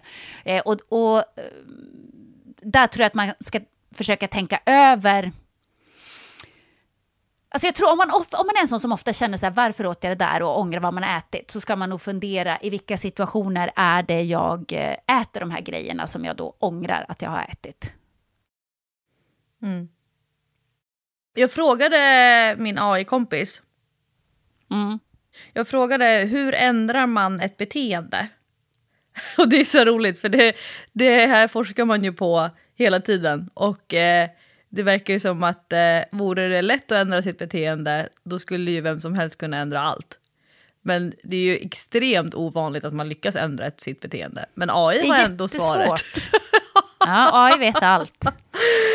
Men, men som sagt, jag har ju en ganska snäll AI, så hade jag haft en elak AI då hade ju den svarat så här krasst. Det är skitsvårt, det är ingen idé att prova. ja. Men, men eh, min AI-kompis, eh, som ju då vet att jag tycker om att, att ställa frågor om Lofsan och om träning och motivation och om Jessica Almenäs och hur man blir förälskad i henne och så vidare. Men eh, eh då svarade han att, att ändra ett beteende kan vara en utmaning, men det är möjligt med rätt strategier och tillvägagångssätt. Här är några steg som kan vara användbara för att ändra ett beteende. Och då har han gjort en punktlista tio punkter eh, och sen en liten eh, så här, skicka vidare på slutet, typ eh, för framtiden, lite så här, hopp. Men då har de pratat, eller då börjar de i identifiering och förståelse. Alltså att man ska kunna identifiera och förstå motivet. Alltså att mm. förstå varför man vill ändra sitt beteende och identifiera vilka fördelar som det kan ge. Alltså vad är det man vill få ut av att förändra beteendet? Och att ju starkare ens motiv är, desto mer troligt är att man kommer att fortsätta vara motiverad till att genomföra förändringen. Och det här ju, har ju varit en jättestor del av den kursen som jag läst nu om hälsocoachning. Det här med att, att våga och orka stanna kvar i den här delen av fasen. Att inte gå så snabbt på att sätta upp mål och eh, börja jobba. Lägga, eh, utan att liksom orka jobba med sin egen eh, drivkraft till varför är det här viktigt för mig. Och det där kan jag se när jag tittar på dig Jessica från sidan. Du har ju väldigt starka övertygelser om dina, liksom din motivation och den kartläggningsfasen. Mm, hur, hur, menar du? Att, att eh, du du kastar dig in i saker, det gör du absolut och det tror jag att om man lyssnar på ett. Men du har ju verkligen eh, en stark övertygelse om att det här är viktigt för dig. Att det här kommer vara bra för dig jämfört med de människor som eh, kastar sig in i saker utan eftertanke. Ja, det har jag ju. Jag har ju liksom analyserat, eh, innan har jag ju ändå gjort någon slags analys, att jag tror på det här. Sen, sen är det ju inte allting som funkar, men man vet ju inte om man inte har provat. Nej. Eh, punkt nummer två, då handlar det om att sätta tydliga och realistiska mål. Eh, definiera tydliga och mätbara mål för beteendeförändringen. Se till att målen är realistiska och uppnåeliga för att behålla motivationen. Och där blev det ganska tydligt, eh, som i min klient där som hade gått ner ett och ett halvt kilo eh, första veckan och som direkt började räkna så här att de skulle kunna gå ner sex kilo på fyra veckor. Så funkar det ju inte riktigt. Nej, och eh, det där med realistiska mål det där kan jag känna mig jättekluven i när jag får så fruktansvärt mycket marknadsföring för kostcoachning och eh, PT online-tjänster. Och jag är ju inte i målgruppen för det, eh, men jag får ändå reklam för det i mina sociala medier. För jag kommer inte själv gå och köpa det av någon annan. Men då kan jag ju se att när coachen utlovar så här, snabba resultat, långsiktig förändring, Um, tre veckor till toppformen. Um, mm. Och så tänker jag så här, ja, fast det är ju inte realistiskt uh, att, att säga så, att lova det. Och särskilt inte för att jag tänker att de personer som attraheras av den typen av um, marknadsföring eller paket, de har ju antagligen provat det där jättemånga gånger och inte lyckats. Exakt. jag själv är mycket mer försiktig i så här, hur jag paketerar och formulerar eh, vad det är man egentligen kan förvänta sig för resultat. Jag har jättesvårt för det här svepande, tidsbestämda, utlovande. För att you never know. Och det finns ju jättemånga människor som följer till punkt och pricka eh, ett sånt här färdigt program och ändå inte når resultaten. Um, så jag, det där med realistiska mål, det är ofta det man kan behöva hjälp med att prata om innan man börjar liksom kavla upp ärmarna och göra jobbet. Ja, men är det realistiskt att gå ner 15 kilo till midsommar samtidigt som jag vill bli snabbare på milen och dessutom gå på yoga två gånger i veckan och eh, träna hemma? Mm, det låter som ett ganska tungt ok att bära på axlarna. Ja, exakt. Och eh, jag förstår ju dig, om du till exempel får någon som frågar hur mycket kan jag gå ner eh, på den tiden, hur fort kan jag gå ner det här och bla bla bla. Då eh, tar väl du hellre lite grann i underkant. För det är, ju tre, det är ju roligare att överträffa någons förväntningar än tvärtom. Att någon kommer och klagar och säger, hörru du, du sa att jag skulle gå ner 15 kilo till midsommar. Ja, alltså jag försöker att eh, ändra fokuset på beteendet snarare än på resultatet. Um, och det är eh, såklart svårare att jobba med beteendet än resultatet. Men jag kan ju luras lite. Jag kan ju lägga in massa grejer på vägen och där hela tiden fokusera på resultatet. Och då är det som ibland att, att eh, en person glömmer bort att det var att den skulle gå ner fem kilo som var målet för att den blir så här wow, jag kan lyfta tyngre här, wow, jag har blivit en minut snabbare på 3000 meter. Och då är det som att det så här, då har allting varit värt för att, för att jag har liksom synliggjort andra typer av tydliga resultat än just det här med att man ska gå ner fem kilo. Mm. Um, men, men det krävs ju också lite fingertoppkänsla och man får inte köra över eh, personen och implementera massa mål åt en person. För det är det som är liksom där coachandet. Då vill ju jag helst att klienten själv ska komma fram till målen. Eh, jag kan inte... Jag tror inte att det är jag som ska sätta mål åt en person. Däremot så kan jag hjälpa till att vara ett bollplank för eh, realistiska mål. Men jag tror att en person som letar efter en, ehm, liksom en coachingtjänst, den kommer, om den kommer till mig och så, och så säger så ah, men jag vill gå ner 10 kilo till midsommar. Och så säger jag så här, jaha, börjar ställa en massa frågor, och så diskuterar och så säger ah, jag är inte säker på att det är realistiskt. Och sen så går den till en annan coach som säger så här, åh vi kör, här är kostschema, du ska träna mm. sju gånger i veckan, du kommer fixa det här, jag stöttar dig på vägen. Då är det klart att den kommer välja den andra coachen. Um, för, ja, såklart. Men sen så kanske den kommer till mig eh, i höst och så säger den, jo Lovisa, nu har jag tänkt och det, jag nådde inte mina mål eh, med, med det här företaget som jag jobbade med som klient eh, nu skulle jag vilja prova något annat, kan vi jobba mer långsiktigt? Då, så, men men jag, jag står ju liksom inte och...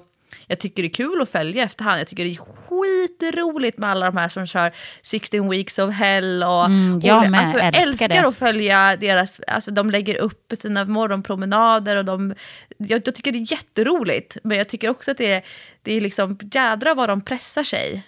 Um, så att jag, jag är, det är liksom mer fascinerande.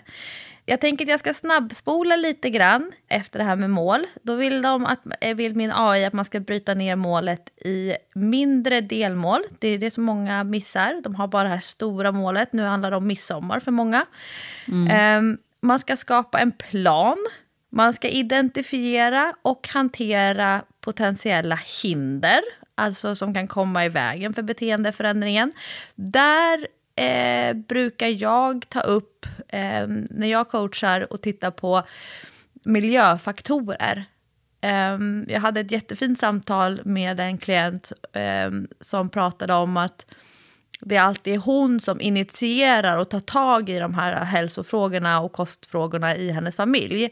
Och hon styr upp och hon får driva det projektet väldigt mycket själv och att hon upplever att det kan vara kämpigt för att hennes partner eh, inte själv tar initiativ eller eh, stöttar i det. Sen äter personen, sam, alltså partnern samma mat, men att det är ganska tungrot att driva ett projekt på egen hand. Så att just det här med liksom vilken miljö man vistas i, socialt eller fysiskt, det är faktiskt, eh, det kan vara en möjlighet, men det kan också vara ett hinder. Och jag tänker som när du blev kär i en väldigt matlagningsintresserad person.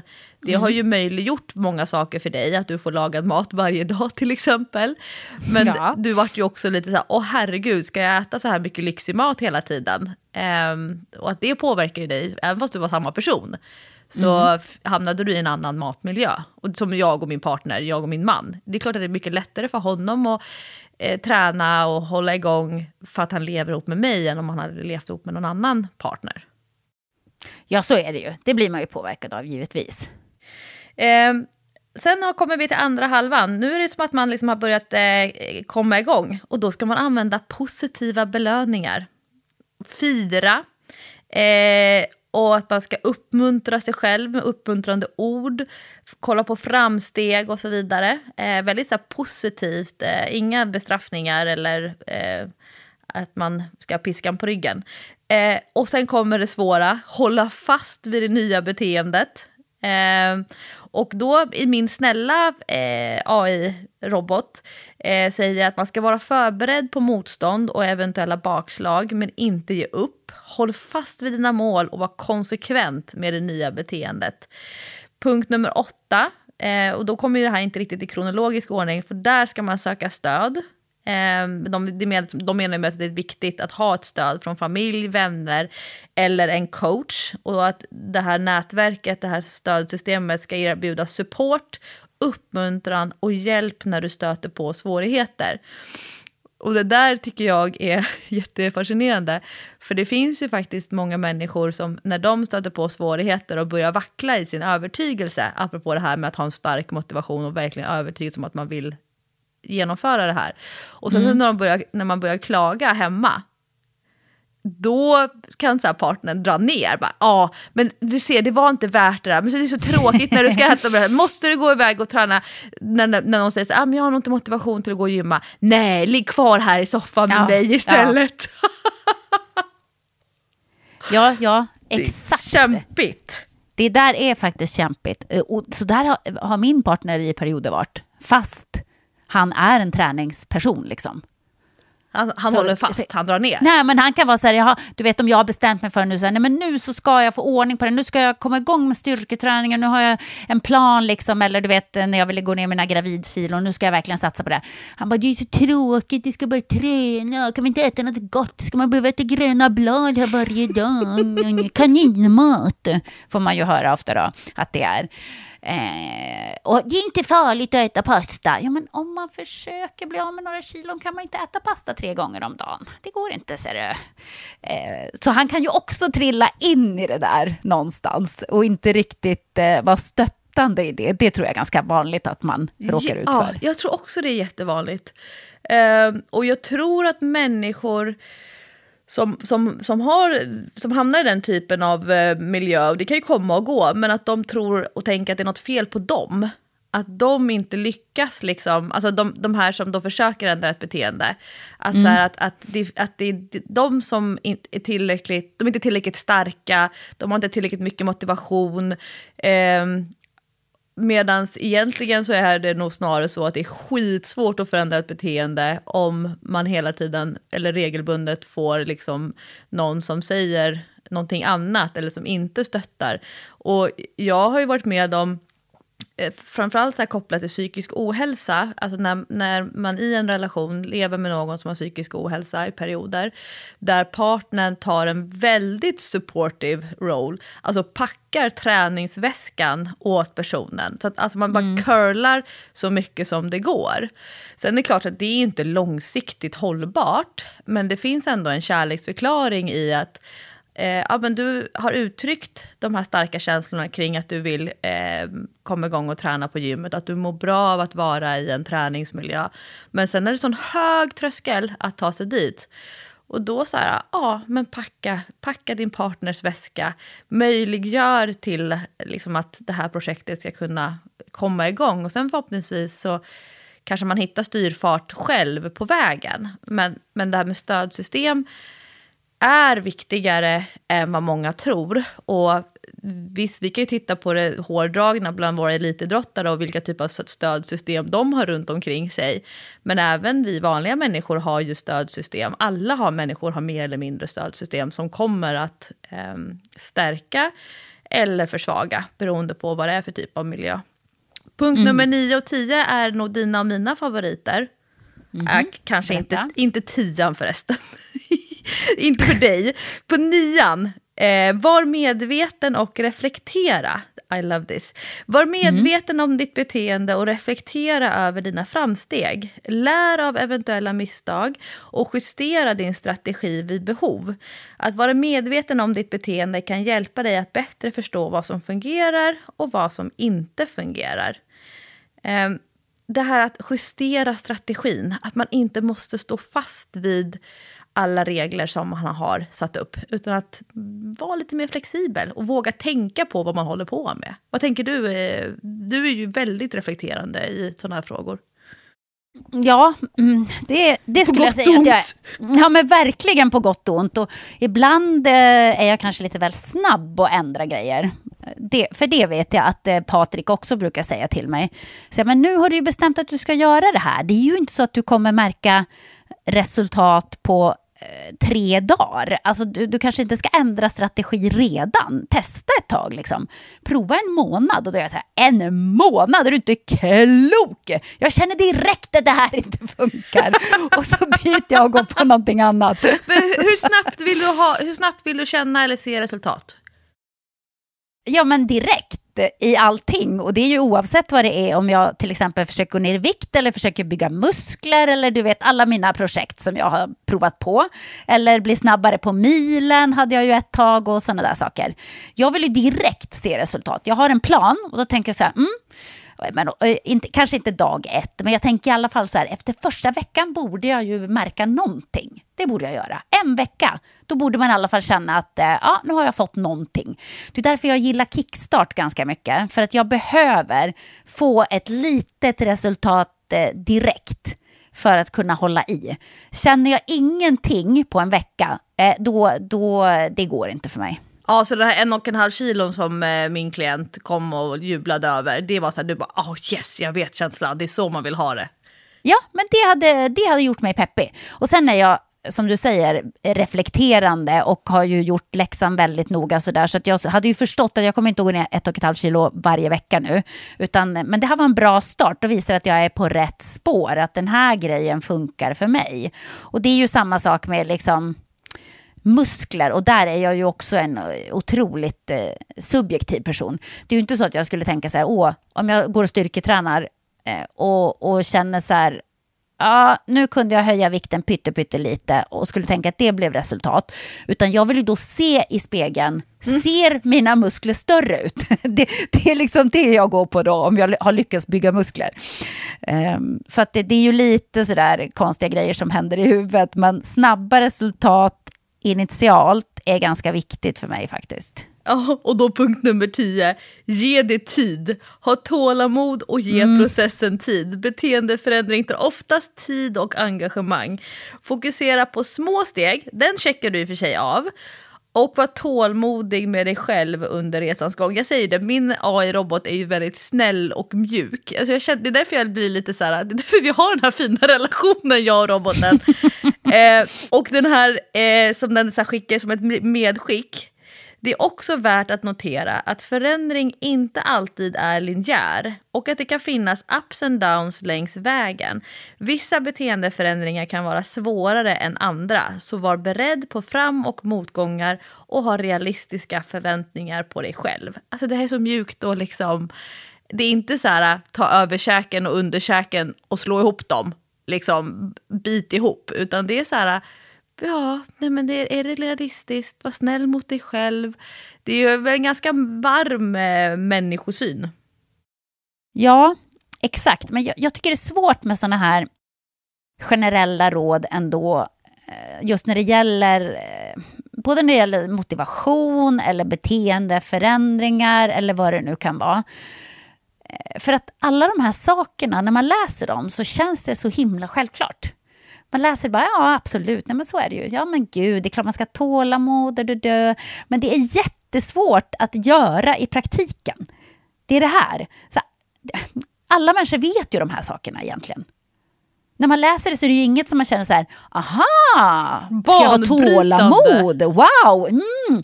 Nej men det hade jag inte förstått, att jag var tvungen att ha tålamod. Jag vet ju också det, men jag har inte tålamod i alla fall. Det är ju det som är svårigheten i de här grejerna. Jag... jag tror att det finns en genetisk faktor. Att vissa människor helt enkelt genetiskt har bättre förutsättningar för att ändra beteenden. Ja, det tror jag också. Det måste ju vara något genetiskt i det. En tvillingstudie på det. Ja, det kanske du ska göra som ditt eh, examensarbete på vilken kurs du nu läser då. eh, jag, eh, tänkte jag skulle avsluta hela det här långa segmentet med egentligen det som eh, jag startade dagens eh, morgonsamtal med min kompis i datorn. Eh, och det är ett begrepp som ligger typ överallt just nu. Aftonbladet, Expressen, även de, de här lite mer traditionella medierna, DN, Svenska Dagbladet, de använder uttrycket komma i form. Det är ju liksom januari månaden är väldigt mycket rubriker som handlar om att komma i form. Mm. Och då började jag med att fråga min kompis, vad betyder inom citationstecken komma i form? Mm, bra det, fråga. Ja, men det är ju ändå någonting som många människor säger. Och, och har vi egentligen någon definition kring det? Så det här tänker jag att man kan få som en liten hemläxa eh, när man lyssnar på Träningspodden. Att fundera, vad betyder komma i form för mig? Min AI-kompis eh, säger att att komma i form refererar vanligtvis till att uppnå en god fysisk kondition eller att förbättra sin hälsa genom att träna regelbundet och äta sunt. Det kan också användas mer brett för att beskriva att återhämta sig från en skada eller sjukdom och återfå sin tidigare fysiska styrka och energi. I allmänhet så handlar det om att sträva efter att vara i god form och att ha en hälsosam kropp. Och det blir lite filosofi här på slutet. Ja. Vad, vad, när du säger komma i form, för det är ändå ett uttryck som du använder regelbundet. Mm. Vad, vad menar du då? Om jag frågar min AI-kompis, vad menar Jessica Almenäs med att komma i form? Fast du får svara. För du är min ja, riktiga kompis. Ja, precis. Jag hoppas jag svarar bättre än AI svarar åt mig. Nej, men eh, det beror, alltså det beror på, skulle jag säga.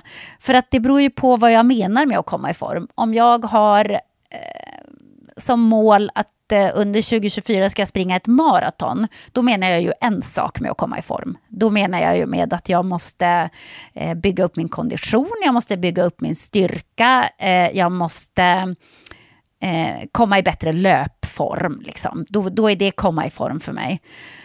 men komma i form generellt, bara så, det är väl att man vill vara på ett ställe med sin kropp där man känner att man trivs. Och då tror jag att det handlar både om det yttre och det inre. Och det inre, eh, och nu tänker jag inte filosofiskt, liksom emotionellt, fast det, Nej, hänger ju lite grann ihop.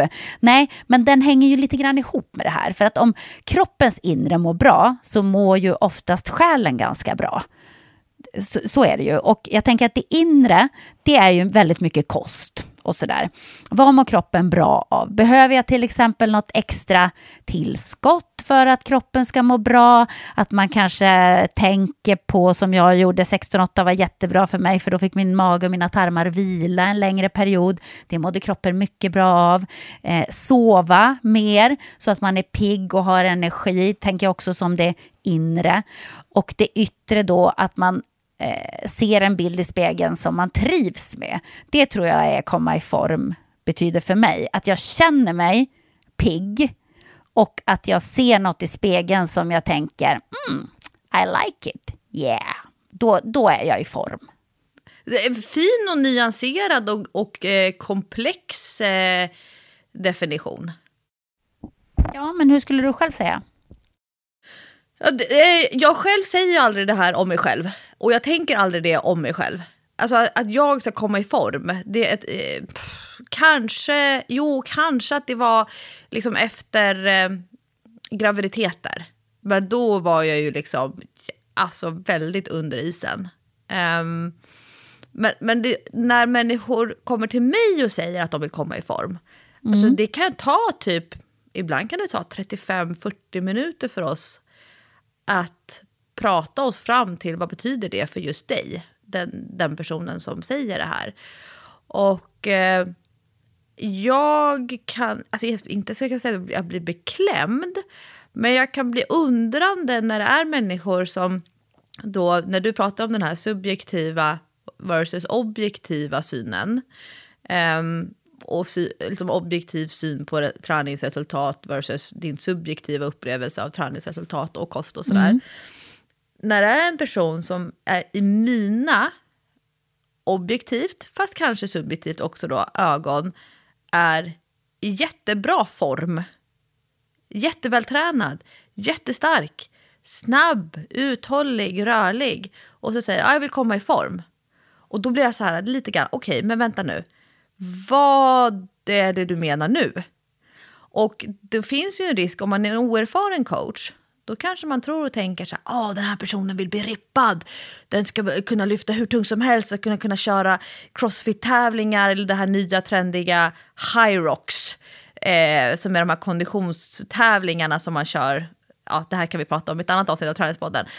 Och så, och så tänker man att det är dit man ska styra som coach. Men så kan det visa sig att så här, men komma i form för den här personen, det är så, här, äh, jag är så sjukt trött halva dagarna. Alltså från sju på morgonen till ett. Alltså jag är ett vrak. Det kan ju liksom visa, eller komma i form. Det kan helt enkelt vara så att den här personen har en väldigt skev kroppsuppfattning och självbild. Och så kommer den och säger jag vill komma i, jag vill komma i form.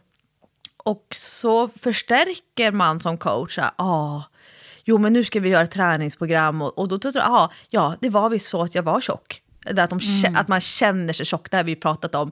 Eh, alltså att människor oavsett kroppsform upplever sig själva, de känner sig tjocka. Och att man som coach då har en möjlighet att så här, styra bort, att vi säger, du känner dig tjock, det är din känsla, men vi kan titta på massa olika värden och säga att det stämmer inte. Um, så, så jag kan lägga jättemycket tid på att förstå vad menar den här personen med att komma i form. Och det är väl det som blir så kluvet då med de här um, tidningsartiklarna som handlar om att komma i form. Alltså, det, väldigt ofta så är det ju en 55-årig man som då kommer form inneburit för honom att han har slutat röka, han dricker bara öl på lördagar, han eh, kan promenera 10 000 steg utan att uppleva att han får en hjärtinfarkt. Han sover mycket bättre, han är mycket kärare i sin hustru och hon är också kär i honom. Han orkar jobba, det är för den klientcaset i artikeln att komma i form. Eh, Medan du och jag möter eh, liksom helt andra typer av personer och vad det är att komma i form. Ja, exakt. Men jag tror också att det är väldigt subjektivt. Och därför så det är klart att det, i vissa fall så kan det handla om att man har en felaktig självbild eller kanske till och med en ätstörning eller andra problem. Eh, och, och, ibland sitter det i huvudet. Ibland har det ju inte någonting egentligen alls att göra med det kroppsliga utan man kanske mår dåligt av andra anledningar och tror att eh, eh man kommer må bättre om man kommer i form, fast kroppen redan är i form. Man behöver jobba med andra grejer. Men jag tror att du ska vara lite försiktig med att tänka när du subjektivt tittar på en person och tänker ja, men den här är ju jättevältränad och, och den är normalviktig och, eller slank till och med och bla bla bla. Den behöver väl inte komma i form. Men du vet ju inte vad den tycker är dens form. Nej. Alltså det kan ju vara... Eh, till, eh, jag kan ta mig själv som exempel faktiskt. Om jag tittar på mig själv så här. de senaste åren. Om jag har sagt till någon att nu måste jag fan komma i form. Folk som inte har känt mig då sen ja, något år innan jag fick samma och sådär. De kanske säger, men vadå, du är ju i jättebra form. Du är så vältränad, bla bla bla bla bla. Men för mig är det inte det som jag anser att jag är när jag är i form. Utan då går jag tillbaka till eh, hur om man bara tar utseende då och är så ytlig, hur såg jag ut när jag sprang maraton? När jag kände att nu är jag i form, min kropp är så jävla eh, fysiskt kapabel. Eh, och jag tycker om hur den ser ut. Det här är jag när jag är i form. Då är, då är ju att vara i form en helt annan sak för mig än vad det är för en annan människa som tittar på mig utifrån som kanske inte har känt mig innan och när jag upplevde mig vara i topp toppform fysiskt. Förstår du vad jag menar? Ja. Så att det, det, det, jag tror att det är väldigt subjektivt. Och, och det, det är skitbra poänger du har. Och, och det, det här är det vanskliga då, tänker jag, när man nappar på, som kund och som klient. Man, man överöses av, kanske, det kanske bara är jag som får massa reklam för olika typer av såna här mm, coachning och paket och kostschemor, scheman och träningsprogram. Eh, men att man eh, kanske ska vara lite vaksam på när man som, som då konsument, tänker jag, att så här, eh, fundera över, är verkligen det här något, är det här mina individuella behov? Och det är väl lite grann som det som AI-roboten var inne på, det här med att kommer det här passa mig? För det kanske är så att man dras till ett paket eller en produkt som egentligen vänder sig till en helt annan målgrupp. Men du känner igen dig av, i de här sälj, eh, köpargumenten. Men det kanske inte är den rätta tjänsten för dig. Det kanske inte är ett kostschema som du ska hålla i. Det kanske inte är just det här träningsprogrammet som kommer passa dig. Och att, att i större utsträckning då göra research för ja, men vad är det egentligen som jag menar när jag säger att jag vill komma i form. Och, och att då våga ställa krav eh, på coachen eller på den här tjänsten som, eh, som du väljer att lägga dina pengar på. Till exempel friskvårdsbidrag är det jättevanligt att lägga på digitala tjänster, men om man inte har relationen till coachen, jag tänker som du och din naprapat, Ehm, att liksom, det handlar ju väldigt mycket om, om relationer. Och nu har vi fått bevis under de här 90 minuterna nästan att en robot eller en dator, även om det skulle sitta en person bakom datorn eh, som sitter och skriver allt det här till mig under tiden, så kommer den ändå inte riktigt förstå eh, utan väldigt mycket bakgrundsinformation vad det egentligen är som jag vill få ut av vårt samarbete eller vad man nu ska kalla det för mellan klient och coach eller mellan någon form av terapeut och motionär. Så, så det, går, det går liksom inte att övertrumfa den, den fysiska relationen och dialogen. Den är ju väldigt viktig för att förstå att man verkligen strävar åt samma håll. Så det som du egentligen ville komma fram till, det var boka inte en eh, AI-coach. det kommer inte att funka. Men jag finns tillgänglig. Nej, jag skojar bara. Ja, men den, den kan ju lösa en hel del. Men jag tror att eh, de här individuella lösningarna, eh, alltså individuellt och, och flexibelt och eh, det, det kommer trots trenden med AI, trots trenden med eh, de här färdiga koncepten där det räcker med att du gör lite prover och tester och så får du veta hur du ska göra. Det, det, det kommer fortfarande vara så att det är de mänskliga relationerna som kommer vara de hållbara i eh, långa loppet. Men det här är ju en trendspaning från mig på längre sikt.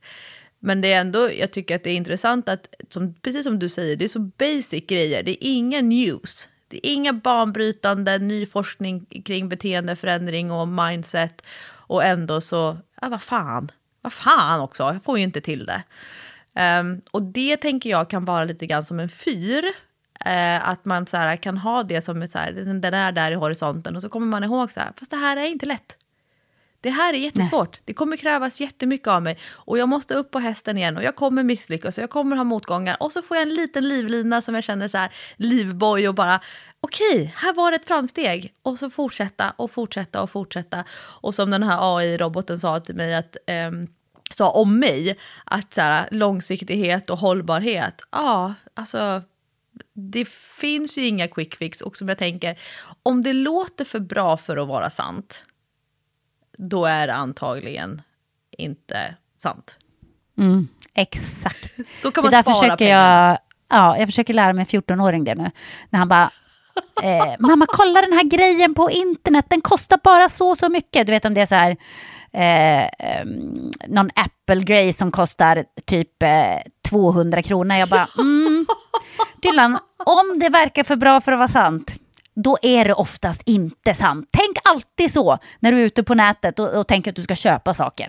Så um, ja, det kan man alltid ta med sig. Exakt en sån där grej. Nu har, har vi en ganska stark parfymsamlingstrend i några gäng här där eh, vi bor. Och nu handlar det om att man ska eh, vara duktig på parfymer, dofter, toppnoter, bas, ah, allting. Och så ska man samla på parfymer. Man är tonårskille. Mm. Ja, mm. Och eh, det går att lägga fruktansvärt mycket pengar på det här intresset. Det är ju liksom som Pokémon-kort fast det är... Oj, gud. Ja. Och då, nej men titta! Här kan man beställa den här parfymen. Den kostar bara 295 kronor. Inklusive frakt. Och på Kicks, då kostar den 1895 kronor. Mhm. Mhm. Alltså jag, jag ska erkänna att jag har ju gjort det här själv. Så att, eh, det, jag har gått på den här niten en gång. Eh, när jag sökte efter en speciell sån här baskettröja som jag verkligen ville ha, ett basketlinne. Ett väldigt speciellt, och jag ville ha exakt det. Och jag hittade ingenstans på nätet. Och så hittade jag en sida bara, men gud, de har så mycket bra tröjor. Och här är precis den tröjan och en massa andra. Och det är så billigt! Oh, det är rea, herregud gud! Klicka, klicka, klicka. Betala på Paypal. Tycker att det var lite konstigt. Betala på Paypal, okej? Okay? Uh, tror du att det någonsin dök upp? Nej. Tror du att kundservice-mailen eh, fungerade? Nej. En liten googling bort. It's a scam, stay away. Spara pengarna istället. Hej då pengarna. Så att eh, antingen kan du gå så eller så får man hem något som inte alls är det som är på bilden eller vad det är. Och nu pratar vi om prylar, men det här är ju samma sak när det gäller att man köper eh, tjänster av det här slaget. Ja. Att verkar det för bra för att vara sant så är det oftast det. 15 kilo till midsommar, mm, om du har sex veckor på dig, det är för bra att vara sant. Så ja. Och då har jag typ ingenting mer att säga nu. Jag har en sak att avsluta med. Eh, för det här hände näm- nämligen när vi satt och poddade nu. Jag skrev för hundra år sedan känns det som, jag tror att det är ett år alltså, upp mig på en väntelista på eh, det här nya, mm, det här är en grej som jag ska testa för träningspodden alltså. Eh, Scanning-grejen där som han Spotify-grundaren Daniel Ek har startat. Vet, känner du till detta? Eh, Ja, men eh, hallå? Har du stått på väntelista ett år? Ja. Och jag har försökt få tag på någon som kan hjälpa mig att liksom få någon ingång. Ingen. Jag hittar ingen. Jag bara, hallå, kan du hjälpa mig? Så några har gjort samarbeten. Och jag har skrivit till dem så här, alltså folk som jag känner då, som har gjort samarbeten med de här. Jag bara, eh, kan, kan jag få en kontakt? Kan du hjälpa mig att få en kontakt här? Jag måste eh, komma in på det här eh, jäkla stället. Jag vill testa det här. Inget svar. Man bara, okej, okay, är det här en diss eller är det en hemlig sekt eller vad fan är det frågan om? Men jag har stått på väntelistan. Nu har jag fått ett sms. Att jag äntligen ska få chans att boka en tid. Imorgon kommer de att släppa efterlängtade bokningstider. Jag kommer att få en bokningslänk vid lunch. Det här är ju så spännande. Är, Så är, det- är det här äntligen! Neko? Neko Ja, exakt. Oj, oj, oj, oj, oj. Så nu ska jag äntligen få prova. Thank you God! Och jag kommer givetvis så att rapportera. Om jag nu lyckas få en tid, för om det är som en, eh, om det är så här när konsertbiljetter släpps, jag hinner ju aldrig med på det tyvärr. Så då kommer det ju vara lite jobbigt. Det kanske bara finns tider kvar i augusti när jag, när jag kommer med för att boka. Men vi får se. Jag kommer följa upp nästa vecka hur det går med detta. Du vet att du nu kommer släppa in en AI-robot som inte bara analyserar din texter om dig på sociala medier och artiklar, utan också att den här AI-roboten kommer att analys- analysera din kropp. It's very welcome. Åh, det är lite läskigt. Lite läskigt. Kom in i mig bara robot! Spännande. To Ja, be continued. Jajamän. Stort tack för att ni lyssnar på träningspodden varje vecka. Alltså vi trummar på Jessica, det verkar som att samtalsämnena aldrig tar slut. Nej, idag var vi väldigt långa. Hoppas att ni orkade lyssna hela vägen ut. Men vi hörs igen om en vecka, det vet ni. Puss och kram! Hej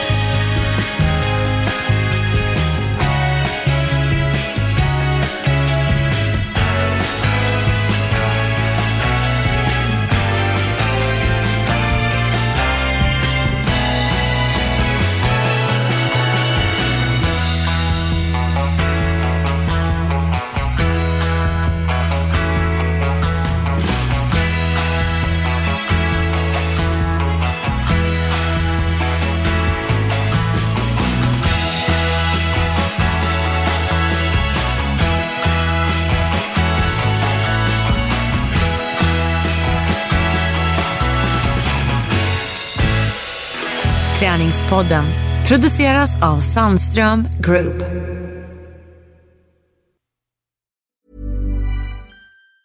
Roundabout Season 2, presented by Nissan, is live now, and we're back to share more stories from the road and the memories made along the way. We're talking rest stops, if we're stopping to get gas. You will be timed. Misguided plans. I grew up in the city, so I have like, you know, a healthy fear of real extreme darkness. a lot of laughs. Y'all weird, but you, yeah, you, you were different. And so much more. Listen and subscribe wherever you get your podcasts.